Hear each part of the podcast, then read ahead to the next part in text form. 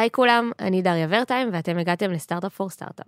היום אנחנו הולכים לדבר על איך בונים צוות שיודע לרוץ לבד, ולצורך זה נמצאים איתי ויטלי מרגולין, שאתה senior full stack lead, אתה מוביל את הצוות שעובד על מערכת ה-CRM שלנו, אז היי ויטלי. היי. ותומר פרידמן, שאתה senior full stack developer, שאתה עובד בצוות של ויטלי. אהלן. היי. אה, אז אתם פה היום כי אחד הדברים שיכול להיות הכי קשה לעשות, זה בעצם לשחרר ולתת לצוות לרוץ לבד. ובעצם זה יכולת מהותית בשביל שנוכל לצמוח מהר. אז היום אנחנו נדבר על זה, אה, ספציפית גם על הצוות שלכם שמתנהל קצת כמו סטארט-אפ בתוך מאנדיי. אה, ואנחנו נדבר על מה קורה כשהעצמאות של הצוות לא מתאפשרת, מתי זה מאתגר לאפשר את זה, וגם מה עושים פרקטית כדי שזה יקרה. נתחיל? יאללה. Startup for startup for startup.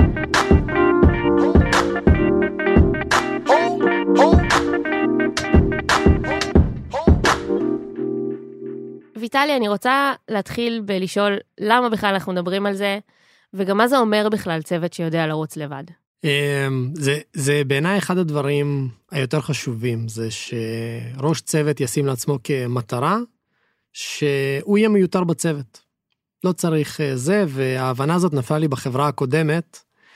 אה, עבדתי בסטארט-אפ אה, יחסית קטן, והיה איזה מקרה בקיץ שאחותי באה לעבוד אצלנו בסטארט-אפ לאיזה חודשיים, ואחרי תקופה כזה שהיא עבדה, עשינו ארוחת שישי אצל ההורים, שבה היא מאוד התגאתה בזה שאח שלה כל הזמן צריכים אותו ותמיד קוראים לו ושום דבר לא זז בלעדיו וכל הפגישות הוא תמיד שם. כל הזמן שואלים אותו שאלות. ואני ישבתי בצד והקשבתי לזה ובעצם נפל לי איזשהו אסימון שאני באמת חייב להיות תמיד בכל מקום בשביל שדברים יזוזו. וזו הבנה שלא הייתה לי לפני וזה הרגע שבו הבנתי שאני עושה משהו לא בסדר. זאת אומרת, היא התלהבה ואתה בכלל הבנת שזה, שזה לא אמור להיות ככה. כן, כן. אתה אומר שזה לא טוב, למה זה לא טוב? אתה המנהל, אתה כביכול יודע מה צריך לעשות. במצבים האלה בעצם אני הצוואר בקבוק.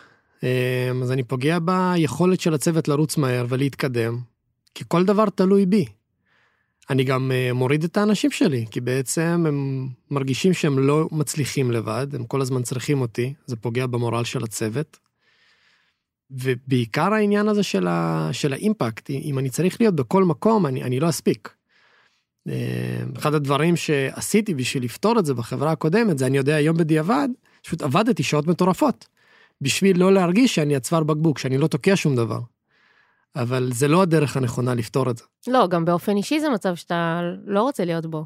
כאילו, בסוף, אה, לא, אולי לא מספיק דיברנו על Work-Life Balance בפודקאסט, אבל זה משהו שממש לא מאפשר את זה.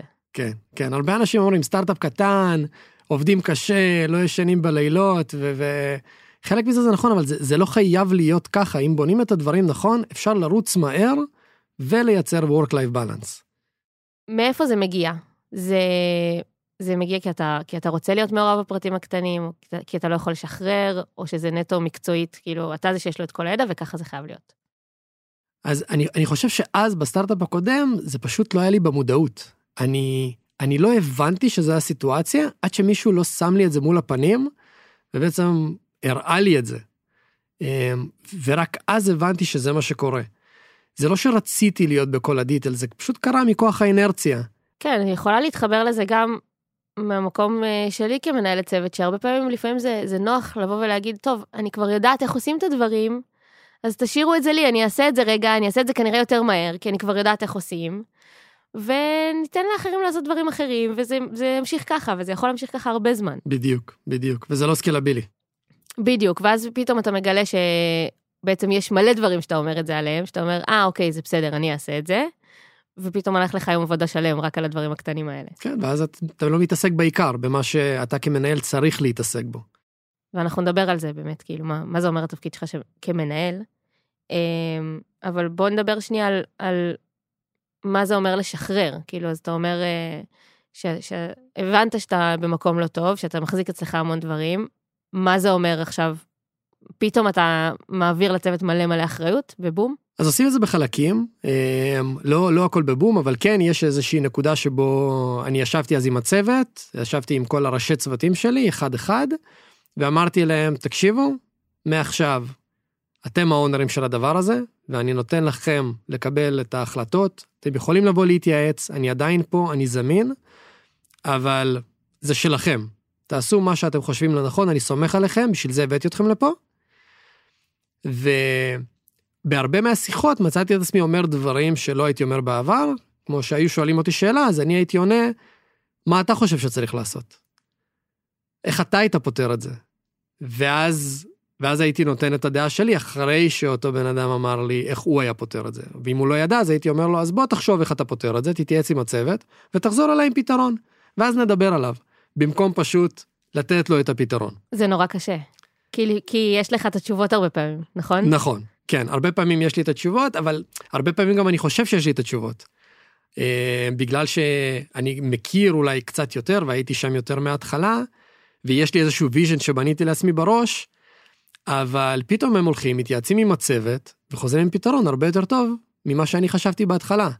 אז מבחינת הזדמנות אמרת שקרו פה דברים, דברים טובים מבחינת הצוות. תומר, אני רוצה רגע לשמוע אותך. אתה דווקא מהצד של העובד. אה, בסטארט-אפ הקודם של אה, ויטלי אתה לא היית, אבל אתה יכול לדבר מהניסיון שלך. כן. תראי, מבחינתי, אני, אני חושב שצוות שרץ לבד, קודם כל, זה לא צוות שרץ באיזשהו ואקום, כן? זה לא של אין סינכרון בין המשימות שמישהו אחד עושה לאחר, אלא שבאמת אין פה איזשהו סוג של bottleneck, איזשהו גורם אחד שמכתיב איך צריך להיות ה vision או איך צריך להיראות. יש פה עבודה משותפת ויש פה אמון, יש פה אמון הדדי בין הראש צוות, שגם חוץ מהיתרונות שהוא מפנה לעצמו להתעסק אסטרטגית בקידום של הצוות ובשיחות אישיות, הוא גם נותן אמון בחברי הצוות להתקדם, להתקדם אפילו, אפילו שהוא לא נמצא באזור. וזה לא אומר שאנחנו בתור אה, מפתחים לא באים להתייעץ, להפך.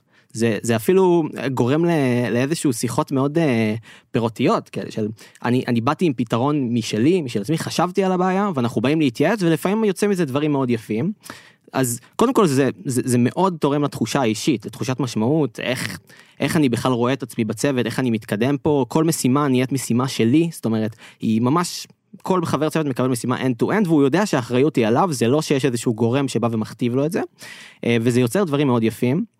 אה, מעבר לזה גם את יודעת צוות שרץ לבד צוות שתלוי בגורם אחד מאוד קשה לו להתקדם קדימה כי הוא כל, כל הזמן צריך את האישור של איזשהו גורם זה תהליך שהוא נורא לא אגיד בירוקרטי אבל הוא, הוא תהליך שהוא סיזיפי. הוא לא, תהליך וזה קשה. יוצר צוואר בקבוק כן, בסוף. אה, חד משמעי יוצר צוואר בקבוק וגם לאו דווקא הדבר הנכון בסופו של דבר זה מאט את הצוות לא רק מבחינת קידום המשימה אלא שראש הצוות יכל להתקדם בדברים שיקדמו את הצוות דברים אחרים הרי חברי הצוות יודעים לעשות את העבודה טוב ויש פה אמון אז הוא יכל ללכת ולקדם את הצוות מול גורמים אחרים לעשות יותר שיחות אישיות זאת אומרת לקדם אותו לקדם את הצוות בדרכים אחרות שהם לאו דווקא להיות בפרטים הקטנים של כל משימה וזה דבר נפלא בעיניי ואני חושב שזה קורה זה קורה וזה יכול לקרות יש לזה מן הסתם אתגרים שאנחנו כנראה נדבר עליהם אבל זה זה דבר שהוא הוא, לדעתי הוא קריטי להצלחה. אנחנו מדברים על זה הרבה בצוות שלנו. דרור מהצוות שלי נורא אוהב אה, כל off-site, הוא מדבר על, אה, על, אה, יש איזשהו קונספט שאומר אם יש לך נגיד חמישה מפתחים שיודעים לפתח חמישה פיצ'רים בשבועיים, סתם אני אומרת, מעצבת שיודעת לעצב שלושה פיצ'רים בשבועיים, וראש צוות אחד שצריך לעבור על הכל ויכול לעבור על פיצ'ר אחד בשבועיים, אז בסוף כמה פיצ'רים שחררת נכון. בשבועיים האלה, בסוף שחררת פיצ'ר אחד, וזה לא משנה מה התפוקה של שאר הצוות.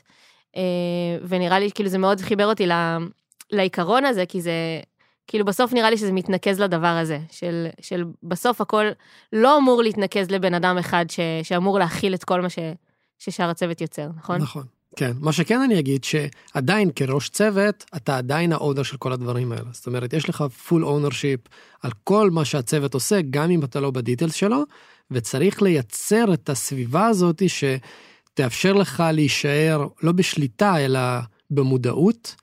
להבין מה כולם עושים, לאיזה כיוון לוקחים את הדברים, לא להתנתק לחלוטין. התפקיד זה לא להיות באמת מיותר ברמה שלא צריך אותך, אלא להיות שם כמוביל, כמנטור, כמוודא שהכל הולך לכיוון נכון, אמ, וכן לתת להם לרוץ לבד ולרוץ בצד, ללוות, להיות באזור. כן, לא, זה חשוב להגיד שבאמת כאילו, אם אתה לא בדיטל, זה לא אומר שאתה לא אמור לדעת בכלל מה קורה, ושאתה לא אמור לעזור לקדם את זה, פשוט לא בצורה שהכל תלוי בך.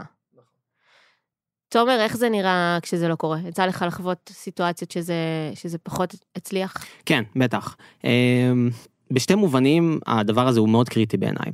אחד, מבחינת התחושת משמעות של עובד. בסוף עובד מגיע, מקדיש את רוב שעות היום שלו לעשות משימות, אה, להוביל פרויקטים, והוא רוצה להרגיש את תחושת המשמעות של אני מוביל את זה, אני חשבתי על הפתרונות היצירתיים האלה, אני אה, הובלתי את זה מהרגע שזה בתכנון לרגע שזה יגיע ב production. לדעתי זה קריטי וזה תלוי ברמות גרנולריות שונות, לא כל, לא כל עובד צריך לקבל פרויקטים גדולים או ענקיים, אבל גם לפרויקטים קטנים אתה יכול להרגיש שאתה מוביל את זה end to end.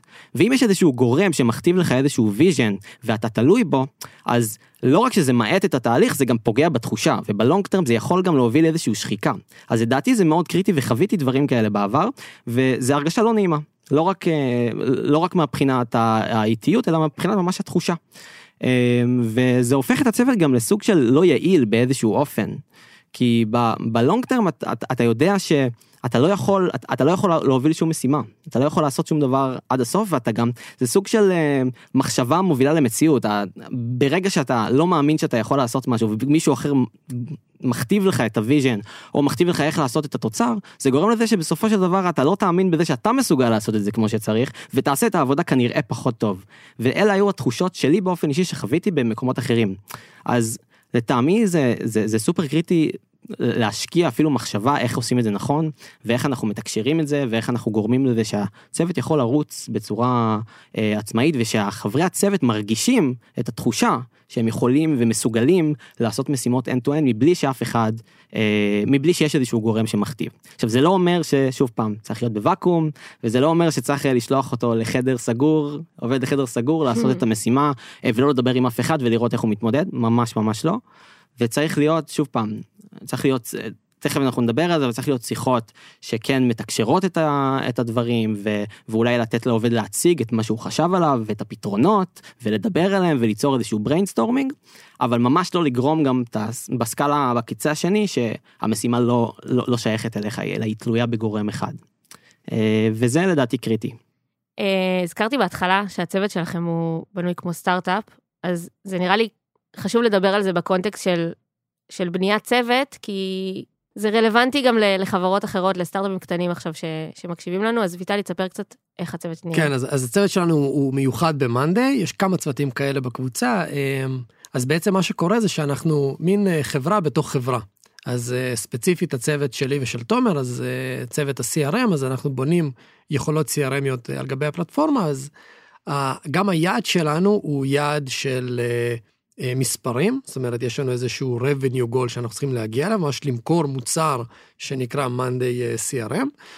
אה, ומה שזה אומר שהצוות שלנו מורכב מאנשי marketing, מפתחים, מכירות, תמיכה, וזה אומר שהניהול לא מסתכם ברק ניהול של המפתחים, יש פה הרבה גם ניהול מטריציוני שמאוד מזכיר סטארט-אפ.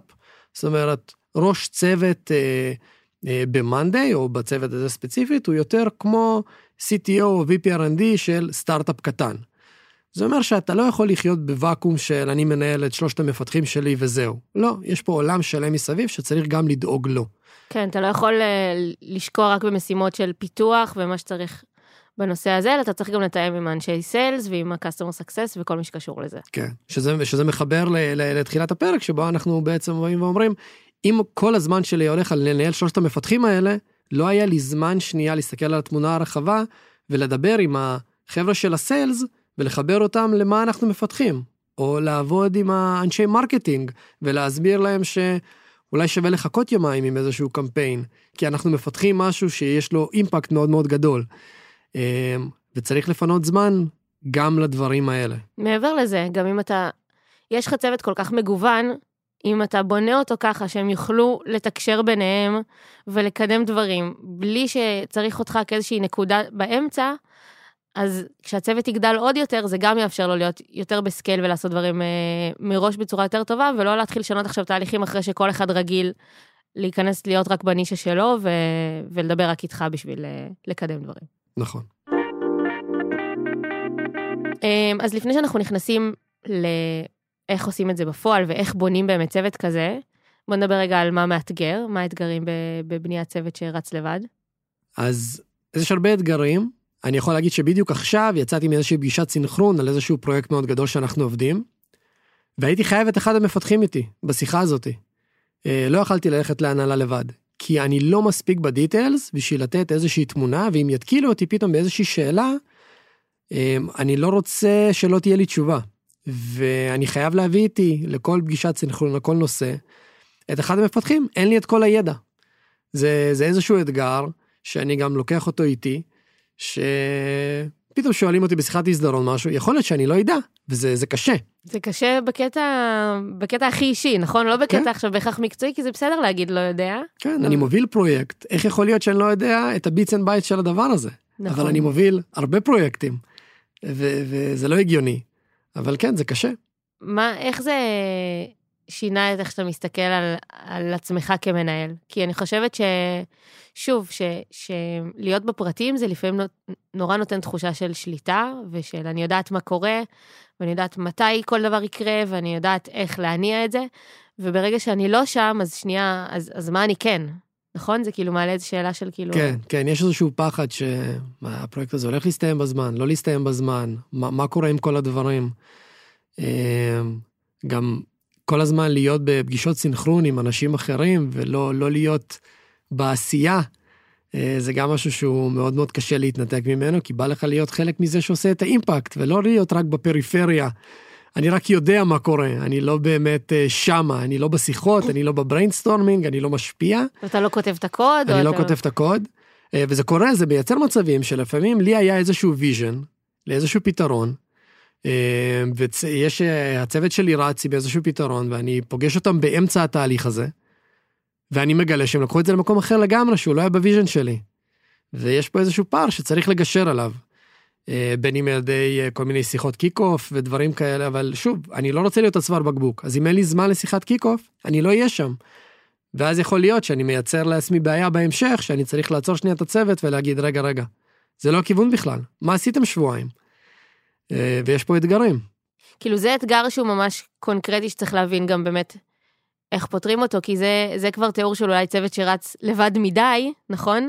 כן. ואז יש פה איזשהו, איזושהי התנתקות, כאילו בין מה, ש, מה שאתה רצית בשביל הצוות ומה שרצית שיקרה, לבין איך שהם תפסו את מה שאמור לקרות. אולי, אולי אני מקדים את השיחה, אחד הדברים שאנחנו נדבר עליו זה העניין של, כשבונים את זה נכון, צריך להגדיר לצוות מישן, משימה. והמשימה הזאת זה לא איזה מגדלור vision אה, כזה מאוד מאוד רחב, שבו אני אומר, אנחנו רוצים להיות חברה של 10 מיליארד דולר, אלא mission זה משהו שהוא הרבה יותר down to earth, שאמור לעזור לך גם לעשות priority. כשאתה קורא את ה mission הזה, אתה אמור להבין, אה, אוקיי, זו, זו המשימה שלי, זה מה שאני רוצה להשיג ברבעון הזה.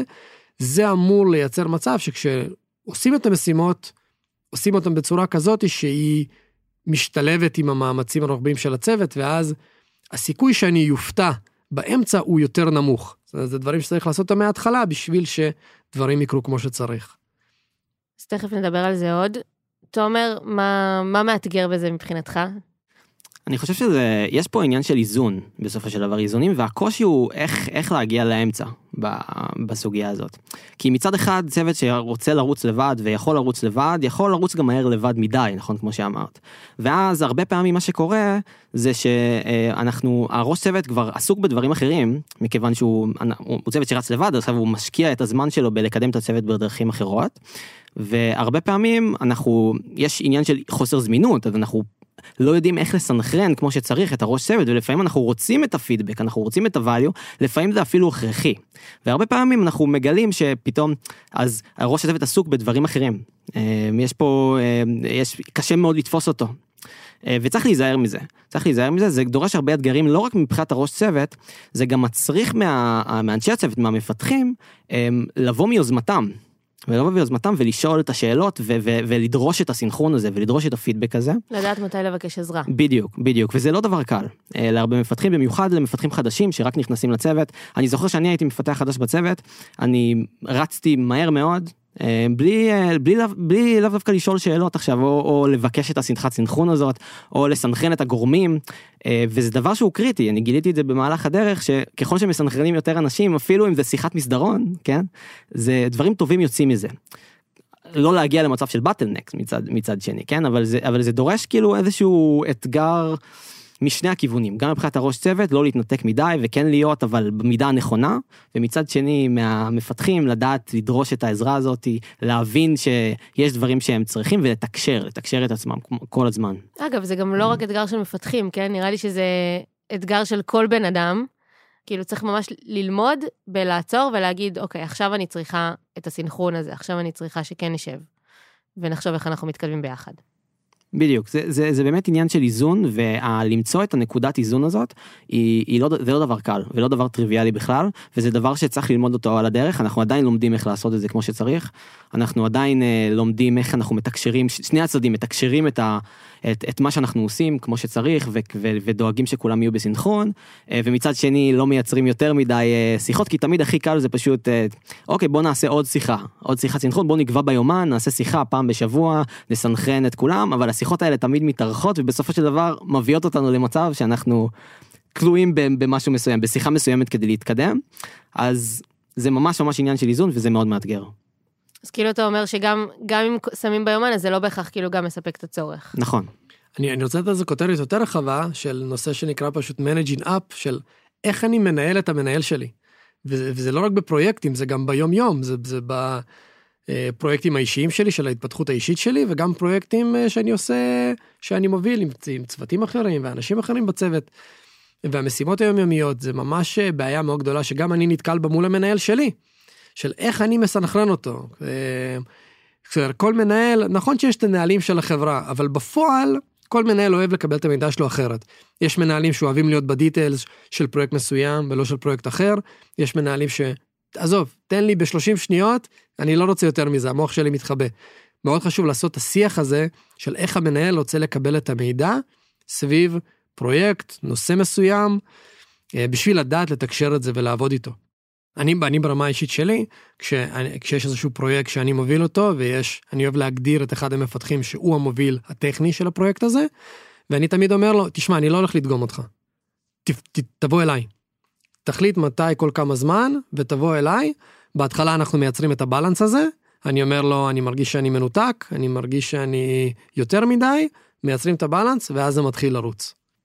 אני אגיד גם עוד משהו שאחד האתגרים פה מהצד של העובד כאן, היא לדעת שברגע שאנחנו מקבלים משימה, או, או פרויקט, או, או משהו אה, גדול יותר או קטן יותר, זה לא משנה, אנחנו, אנחנו צריכים לשאול את השאלות לאורך כל הדרך. זאת אומרת, אין לנו את הפריבילגיה של מישהו אחר מחזיק את המידע או את הידע ואנחנו נסתנכרן מולו כל הזמן לאורך התהליך. אנחנו האונר של המשימה, אה, ואנחנו מובילים אותה, וזה דורש לשאול את השאלות הנכונות אה, מלכתחילה, וזה עניין תרבותי, מאוד מאוד תרבותי.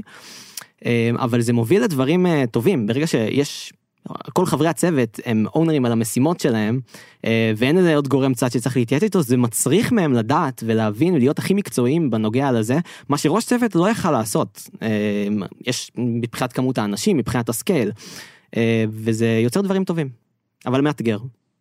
יאללה, מעולה, אז זה מוביל אותנו לפרקטיקה.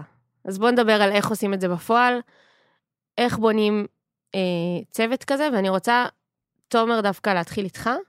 כי קצת הרמת לזה גם בתשובה הקודמת, אז מה אתה צריך בשביל לדעת לרוץ לבד? אוקיי, okay. אה, אז כשאני חושב על זה, אני, אני, אני מרגיש שבתור עובד בצוות, אני צריך כמה דברים כדי שהדבר הזה יוכל לקרות. אחד הדברים זה, זה, זה תחושה של אמון אה, והקרנה מהצד של הראש צוות שהוא, שהוא סומך שיש אמון הדדי בינינו לעשות טעויות ולרוץ לבד וגם לשבור דברים ולתקן אותם אחרי זה זה גם בסדר הכל בסדר הכל במסגרת העבודה והכל ואנחנו לומדים מכל דבר. ברגע שיש את, ה, את התחושה הזאת שהוא מקרין כלפי, כלפי הצוות. כבר, כבר אנחנו בחצי הדרך, כי כבר אנחנו יודעים בתור עובדים שאנחנו יכולים לרוץ עם הפרויקטים לבד, ויש אנשים שסומכים עלינו, הכל בסדר. אנחנו, אם יהיה טעויות, אנחנו נלמד מהם.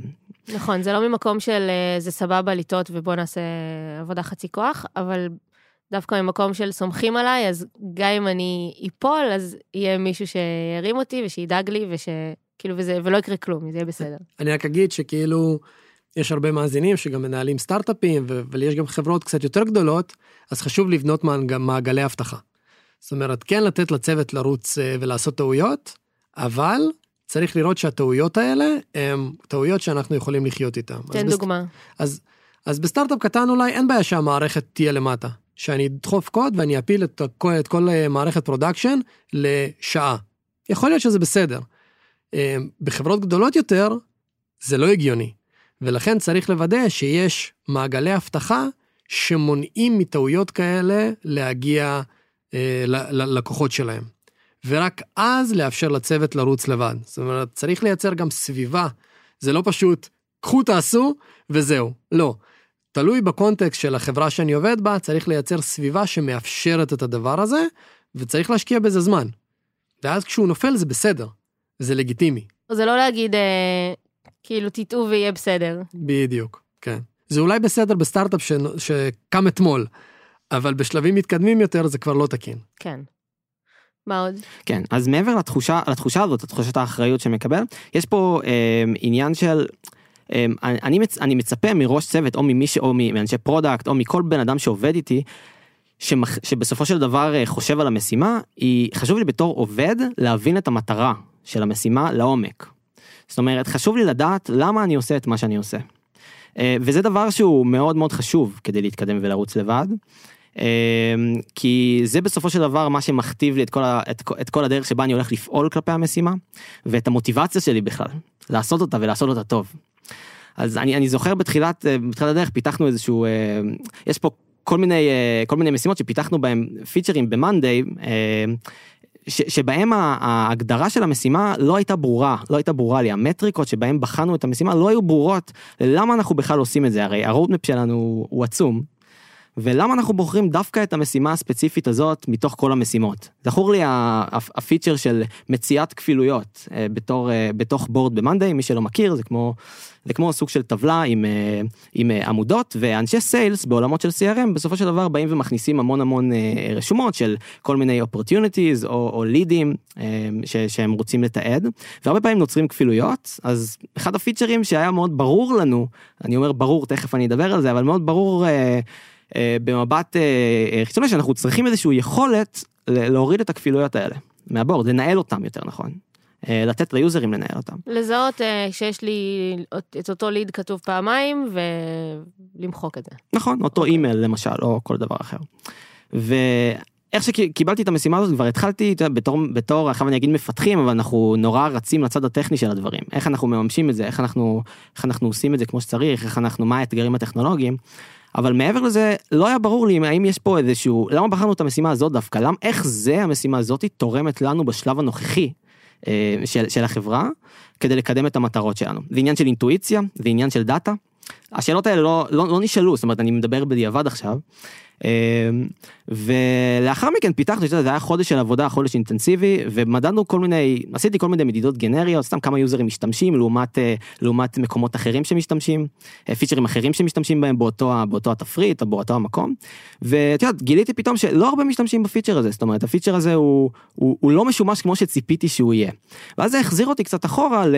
רגע, עכשיו השקעתי פה חודש, בסופו של דבר בפיתוח פיצ'ר מסיבי, ואני, ואני רואה שלא, את יודעת, זה לא מזיז את המחט כמו שחשבתי שזה יזיז, או, או כמו שציפיתי. למה בכלל עשיתי את זה? בדיוק, בדיוק. ו, וזה, וזה פוגע מאוד, גם מהבחינה הזאת שאני, ההמשך של הפיצ'ר, כל, כל ticket שאנחנו מקבלים עכשיו, אני מסתכל על המשימה פתאום באור אחר. זאת אומרת, זה, זה משהו אחר, וגם ב long term, אני פתאום אומר, אם, אם כל המשימות יהיו ככה, אז, אז למה? מה, מה, מה המטרה?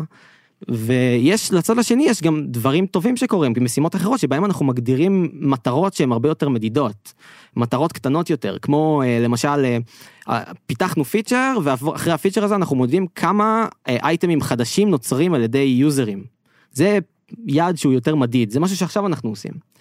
ופה אני יכול כבר יותר להתחבר פה אני יכול למדוד האם הפיצ'ר הזה היה הצלחה או כישלון מאשר איזשהו אה, יעד שהוא וייג כזה שהוא רק אינטואיציה. ואגב זה בסדר שהוא יהיה כישלון, זה לא יפגע במוטיבציה שלי. היפגע במוטיבציה היא לדעת שעשיתי משהו סתם, כי זה איזשהו סוג של אינטואיציה. לא, זו נקודה נורא חשובה ואני חושבת שזה אפילו עוד לפני האם זה מדיד על הנקודה או לא, עזוב אינטואיציה או לא, זה באמת שנייה ל- ללמד את עצמך לשאול למה, כשאתה מרגיש שאתה לא מבין משהו עד הסוף. כאילו, יכול להיות שאם היו נותנים לך הסבר, וגם אם ההסבר הזה לא היה מלווה ב... זה ה-KPIs וככה אנחנו נמדוד את זה, אלא הסבר של, שאתה מבין למה אתה עושה את זה, אז היה לך הרבה יותר קל גם להתמודד אחר כך אם זה הצליח או לא הצליח, כאילו לפחות היית מבין מאיפה באת למקום הזה. בטח, ו- ושוב פעם, אני חוזר לנקודה הקודמת של ה-managing up, זה גרם לי בכל משימה קודם כל לשאול את השאלות הנכונות. זאת אומרת, להתחיל משימה בלשאול למה אנחנו עושים אותה. זה, זה, זה שאלה מעניינת והרבה פעמים יוצאים ממנה דברים מאוד מעניינים ואנחנו אפילו הרבה פעמים משנים משימות אה, בגלל ש, שאנחנו מבינים שאולי זה באמת סוג של אינטואיציה ובאמת אנחנו לא אין פה איזשהו משהו שהוא אה, אה, שהוא מבוסס. אה, וזה דבר חשוב. הייתה בעיה באמת מה שתומר מייצג בעיה בצוות שזו דוגמה מצוינת מה שתומר אמר זה קרה עם עוד אנשים בצוות. ונכנסנו לתהליך בסוף הרבעון הקודם של הגדרת פרוקסי KPIs. מה זה אומר?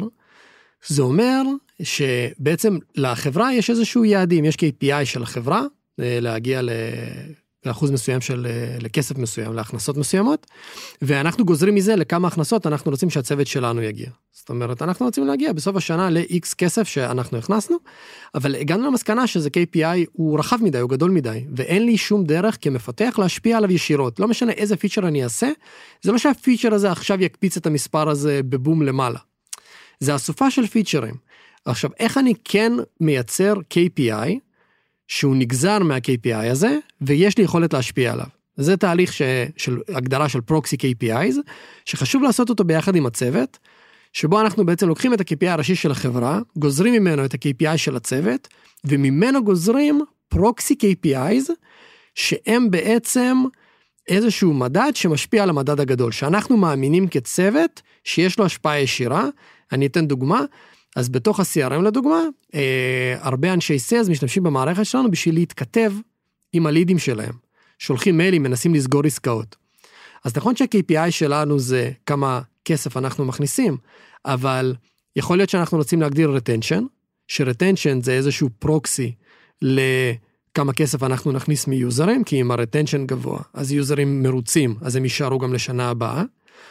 אבל גם retention זה משהו גדול מדי, אז אם אנחנו גוזרים ממנו עוד, אז אני אומר כמה מיילים האנשי מכירות שלנו שולחים. כי אם הם שולחים הרבה מיילים, אז גם ה-retention גבוה. עכשיו, שליחת מיילים זה כבר מדד שתומר כמפתח יכול להזיז אותו. הוא יכול לבנות עכשיו פיצ'ר שמעלה ב-20% את כמות המיילים שאנשי המכירות שולחים. כי הוא ממליץ להם על uh, כותרת אוטומטית, כי הוא נותן להם טמפלטים, כי הוא נותן להם המון המון דברים. דברים שאתם יכולים לראות את ההשפעה שלהם ביום יום. מיידית, הוא מעלה את הפיצ'ר, שבועיים אחרי, בום, רואים את האימפקט, ואז כל אחד מרגיש שהוא מייצר אימפקט, לא סתם מרגיש, הוא באמת מייצר אימפקט, או, או שלא, ואז אנחנו יודעים שהפיצ'ר לא היה טוב, אבל אנחנו יודעים איפה אנחנו עומדים, והמפתחים מחוברים ליעדים שלנו, ולא סתם מפתחים דברים, כי כמו שתומר אמר, המנהל מוצר, הייתה לו הרגשה שזה מה שצריך עכשיו. אז איך אתה מחבר את זה גם לצוות ש... שרץ לבד? אז ברגע שיש פרוקסי KPIs טובים, ואנחנו מגדירים ביחד עם הצוות שברבעון הזה, זה הפרוקסי KPI שאנחנו רוצים להזיז, מאוד קל לצוות לחשוב על פיצ'רים ולהבין מה צריך לפתח בשביל להזיז את המדדים האלה. כי אם הייתי מגדיר להם לשפר retention, זה מאוד מאוד גדול, אפשר לעשות מיליון דברים שישפרו retention. אבל אם אני אומר לו שאני רוצה לשפר את כמות, את כמות המיילים שנשלחים, או כמה מהמיילים שנשלחים פותחים אותם, זה מצמצם מאוד את הפיצ'רים שאפשר לפתח ומפקס. וזה עוזר להם לרוץ לבד. מה עוד, מה עוד אה, אתה צריך, תומר, בשביל, אה, בשביל לרוץ לבד? אחת הדרכים שבהם אנחנו, אה, אנחנו בעצם אה, מביאים את העובדים להבין את המטרה אה, עד הסוף, זה באמצעות כל מיני טקסים שאנחנו עושים. אה, בתחילת כל Q אנחנו עושים איזשהו off-site, שכל הצוות, כולם, כולל כולם, לא רק מפתחים, גם designers, גם product, גם אנליסטים, גם CXים, כולם יושבים במקום אחד ואנחנו מדברים על המטרה של הרבעון. מה ה-roadmap? איך אנחנו, איך הרבעון הקודם היה לעומת הרבעון הזה? מה ה-KPI שאנחנו מגדירים לעצמנו? אה, ומה עבד לא טוב ומה יכול לעבוד אה, ומה אנחנו יכולים לשפר. וזה טקס אחד שמאוד מחבר את כל, ה, את כל העובדים למטרה המרכזית. זאת אומרת, כאן אחרי ה off-site הזה אנחנו ממש עושים את זה בסגנון של brainstorming ככה שכל עובד באמת ירגיש שהוא שותף שהוא שייך למאמץ זה לא רק ירגיש הוא באמת שותף כן אה, הוא באמת אה, באמת משתתף בכל, ה, בכל ההכנה ובהכל. אה, ולאורך הדרך יש לנו עוד שיחות עוד שיחות סינכרון של תכנון של איך אנחנו לוקחים את כל ה roadmap הזה ואנחנו ואנחנו מתכננים איתו את האיטרציות הבאות. ואנחנו דואגים שבכל איטר... ובכל האיטרציה בשיחות האלה שהן שיחות בודדות ב-Q, כן זה לא זה לא כל שבוע. זה כל כמה שבועות.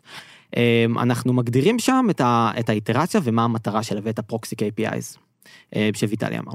והטקסים האלה הם בעצם אחד הדרכים הפרקטיות להשיג את, ה, את, ה, את המטרה הזאת, שעובדים באמת ירגישו שותפים, והתחושות שלהם יהיו שייכות אה, לאורך מטרה מרכזית. רגע, אז פרקטית בוא נגיד כל כמה זמן זה קורה, כי נראה לי שאנשים ממש יכולים אה, לאמץ את זה אליהם, אז יש off-site פעם בשנה, נכון? פעם ברבעון. פעם ברבעון. פעם ברבעון. אוקיי, ואז אחרי, אחרי ה off-site הזה בעצם, מה off-site אנחנו יוצאים עם roadmap ברור להמשך הרבעון? הוא לא חייב להיות מאוד מאוד ברור, אבל המטרה שלו חייבת להיות ברורה. המשימות עצמם הם לא החלק הקריטי, כמו מה אנחנו רוצים להשיג ברבעון הקרוב. אוקיי, ואז אנחנו יושבים וממש מפרקים את זה לאיטרציות. כן. של שבועיים. כן. מעולה. ויטלי, בוא נדבר רגע על, על בנייה מההתחלה של צוות כזה, אוקיי? אמרנו קצת קודם, אה, הזכרנו שאם הצוות יצליח לרוץ לבד מההתחלה, אז יהיה הרבה יותר קל להגדיל אותו אחר כך. זה משפיע על איך שאתה מגייס אנשים, ממש מההתחלה? כן, אז, אז אני, אני משתמש במשהו שנקרא skills matrix, שבעצם אני כותב בצד אחד אה, את כל ה skills שאני צריך בצוות אה, בשביל אה, לגדול, ומצד שני את כל האנשים ומה ה skill set שלהם. ואני רואה איפה, איפה חסר. אני יכול להגיד שבהתחלה, כשהקמנו את הצוות הזה, אז uh, התחלתי לבד, ואז uh, הביאו לי שני מפתחים, לא בחרתי אותם. קיבלתי אותם, למזלי הם היו שתי חבר'ה מאוד מאוד חזקים, אבל לא ידעתי את זה באותו הזמן. אה, אבל הם היו יחסית צעירים. והתחלנו לרוץ, וגיליתי מאוד מהר שבגלל שהחלפנו איזושהי שפת תכנות, שהם מכירים ואני לא, אה, לי מאוד קשה לספק להם איזשהו צורך של לשפר אותה מקצועית ברמת השפה. זאת אומרת, ברמת הארכיטקטורה אני יכול לתת להם המון מהניסיון שלי, אבל ברמת השפה והקוד ריוויו המאוד מאוד ספציפי, אני לא, אני לא שם. וכשעשיתי את המטריצה הזאתי, אז הבנתי שאני צריך איזשהו מישהו סיניור, שיבוא וידע לחזק אותי שמה, בשביל שאני אוכל להתפנות לדברים אחרים. זה, זה, זה השלב שתומר בעצם נכנס לתמונה, שגייסנו מישהו שהוא, שהוא סיניור שכבר מכיר את השפה, מכיר את הדברים האלה, והוא יכול להיכנס בדיוק למקום הזה של איפה שלי חסר. מעולה. אז אני חושבת שזה זו דוגמה מעולה, כי זה נקודה גם שראית ש... שלך חסר משהו שמישהו אחר יכול להשלים. אני חושבת שזה יכול לבוא גם במקרה, בסיטואציה אחרת, שאתה אומר, יש לי את היכולות האלה, אבל זה, אני צריך להשקיע חצי יום, שלוש פעמים בשבוע, בשביל להעביר להם את הידע הזה, ו, וגם את זה אני לא מעוניין לעשות, כאילו גם זה ייקח לי הרבה יותר מדי, עדיף לגייס מישהו אחר. לגמרי. בתור מנהל בכלל, את צריכה, מלמדים את זה בצבא.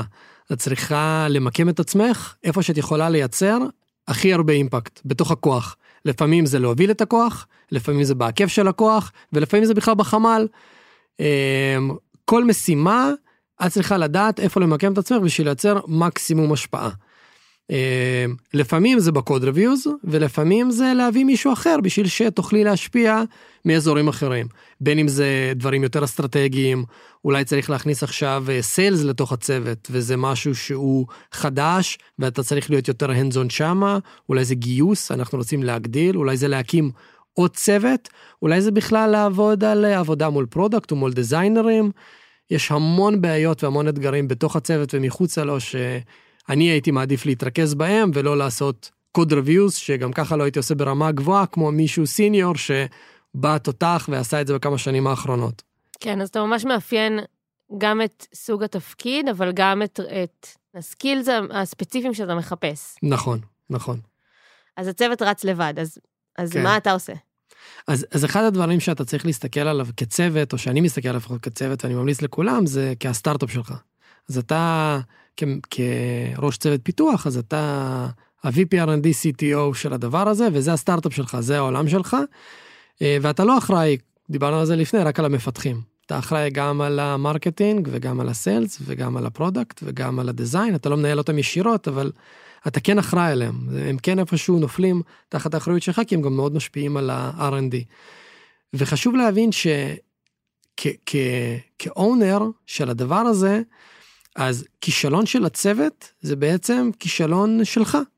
אין דבר כזה, הצוות לא מספיק טוב. זה, אתה לא עשית עבודה מספיק טובה בשביל לבנות אותו בצורה כזאת שהם יהיו מספיק טובים.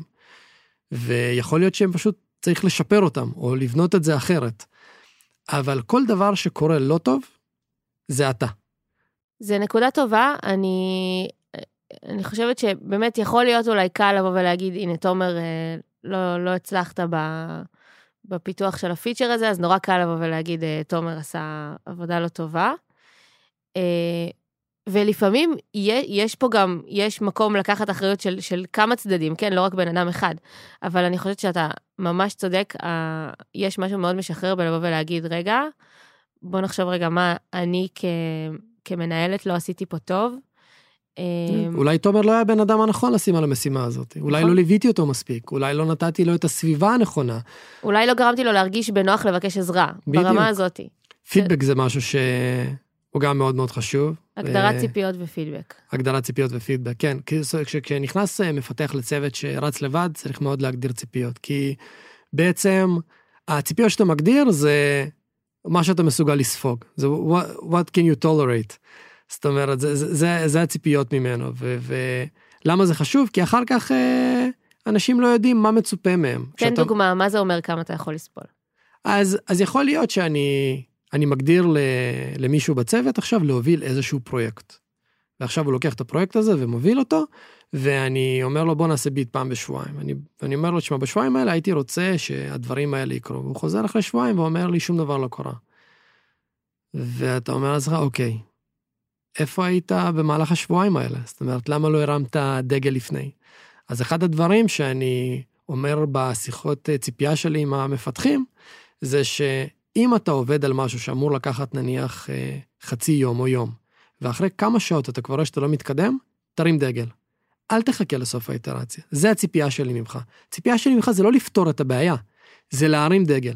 כן, גם הרבה פעמים, אה, מעבר לנקודה הזאת, הרבה פעמים אתה, אתה לא יודע באמת אה, אם המשימה תיקח לך כמו ש...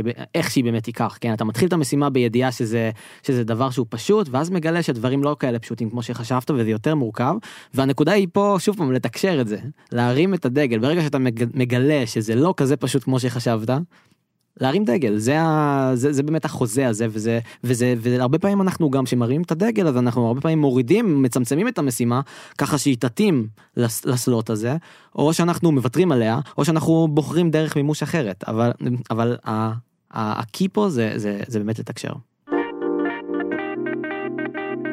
אז בואו נדבר עוד קצת על, על החלק הזה של איך בונים אמון.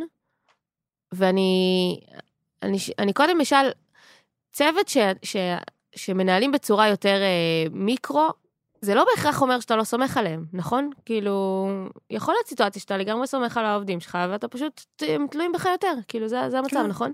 יכול להיות שגם אני מאוד passionate לנושא הספציפי הזה, אני בטוח שגם רועי וערן, יש פרויקטים שהם הרבה יותר ב details שלהם, אה, רק כי הם רוצים, כי זה מאוד מעניין אותם.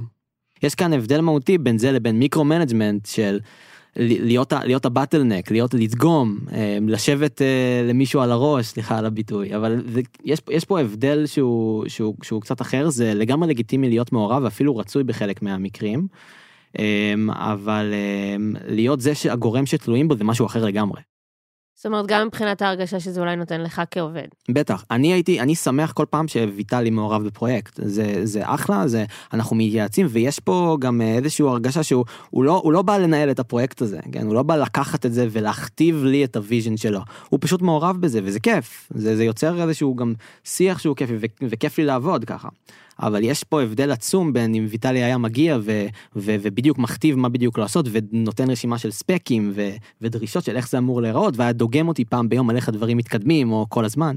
זה הבדל שהוא, שהוא תהומי. יכולה להיות סיטואציה שוויטלי אתה כמנהל יש לך איכשהו יותר אמון בחברי צוות אה, מסוימים מאשר אחרים, אולי זה תלוי תפקיד, אתה, דיברנו על זה שאתה רגיל לנהל מפתחים, פתאום עכשיו אה, יש אנשי sales, זה היחסים משתנים שם? אז, אז, אז כן, זאת אומרת, יש פרויקטים אה, שאני יכול להגיד שהם מחברים מאוד, לדוגמה, יש לנו, אנחנו מנהלים באגים. ובאגים זה איזשהו חיבור בין אנשי support לאנשי dev, ל quality של product, ויש פרויקטים שבהם אנחנו אומרים, אנחנו רוצים להעלות את ה quality, שבו צריך לרכז בעצם איפה אנחנו רוצים להתמקד, לתעדף את הדברים האלה, ויש אנשים שאני מן הסתם אה, סומך עליהם יותר להוביל פרויקטים שהם יותר רוחביים מאנשים אחרים, יש אנשים שזה בא להם הרבה יותר טבעי להתנהל מול אה, מחלקות אחרות, ויש אנשים שזה גם פחות כיף להם, לא, לא בא להם, הם מאוד אוהבים להיות uh, בתוך הקוד, ועכשיו להוציא אותם מהקומפורט זון הזה ולהכניס אותם לזה, זה, זה משהו שהם לא פשנט לגביו, לא בא להם, אז, אז למה לי?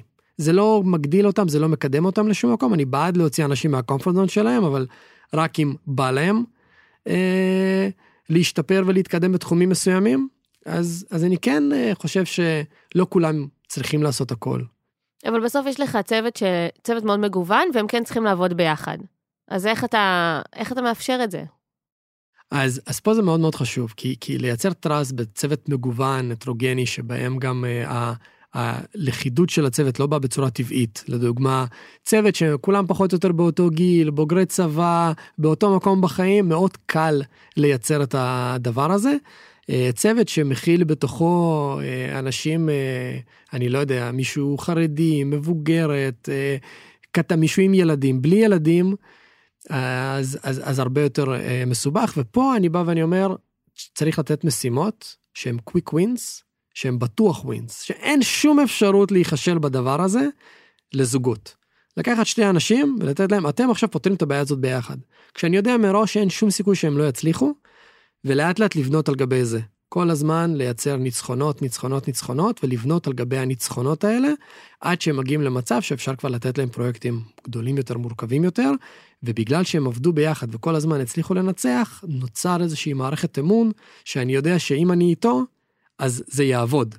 וגם אם אני איתו זה יעבוד, וביחד כצוות כנראה שזה יעבוד. זאת אומרת, ללמד אותם לעבוד ביחד דרך, דרך משימות משותפות. כן, כן. משהו שתרצו להוסיף לסיום, מסר למי שבונה עכשיו צוות, למי שמצטרף לצוות. אני חושב שלבנות צוות או לבנות סטארט-אפ זה אתגר לא פשוט. קחו את הזמן, עדיף אה, לא להגדיל את הצוות מאשר להגדיל אותו עם האנשים הלא נכונים. אה, זה נשמע לא טריוויאלי בהתחלה, אבל מניסיון, גם של אחרים, תדעו שזה כנראה נכון. אה, ותפקיד המנהל זה תפקיד שהוא מאוד מורכב. תמצאו לעצמכם מנטור, מישהו שעשה את זה בעבר, שילווה אתכם. אל תפחדו לשאול שאלות, זה בסדר שאתם לא יודעים הכל, אף אחד לא יודע הכל, כולם עושים את אותם טעויות, כולם לומדים מאותן טעויות. והכל בסדר. וגם צריך להבין פה שזה עניין של זמן, צריך סבלנות כדי לבנות צוות שבאמת רץ לבד, זה לא דבר שקורה בין לילה. האמון הזה, ההבנה של המטרות, כל הדברים האלה הם דברים שצריך אה, להטמיע בתרבות. וכדי לבנות תרבות טובה צריך גם להקדיש זמן, אבל, אבל זמן שהוא לאורך, לאורך הזמן ולא ב... זה לא one time thing. אמ, אז אה, פשוט אה, צריך צריך לעשות את זה בסבלנות אה, ולהבין שזה שזה בסדר שבהתחלה זה לא יהיה ככה אבל לאט לאט זה זה יתקדם לכיוון. מעולה. נראה לי שבזאת אנחנו נסיים. אז רגע לפני אני רק אזכיר שאם אתם רוצים לשאול את תומר או את ויטלי שאלות, הם יהיו זמינים או בקהילה שלנו בפייסבוק או באתר. ואם אתם רוצים להתעדכן בפרקים נוספים, אתם מוזמנים לעקוב אחרינו באפליקציות השונות. היה תענוג. תודה, תומר. תודה. תודה וטלי. תודה רבה, היה ממש כיף. תודה שהאזנתם. For for startup. For startup, for startup.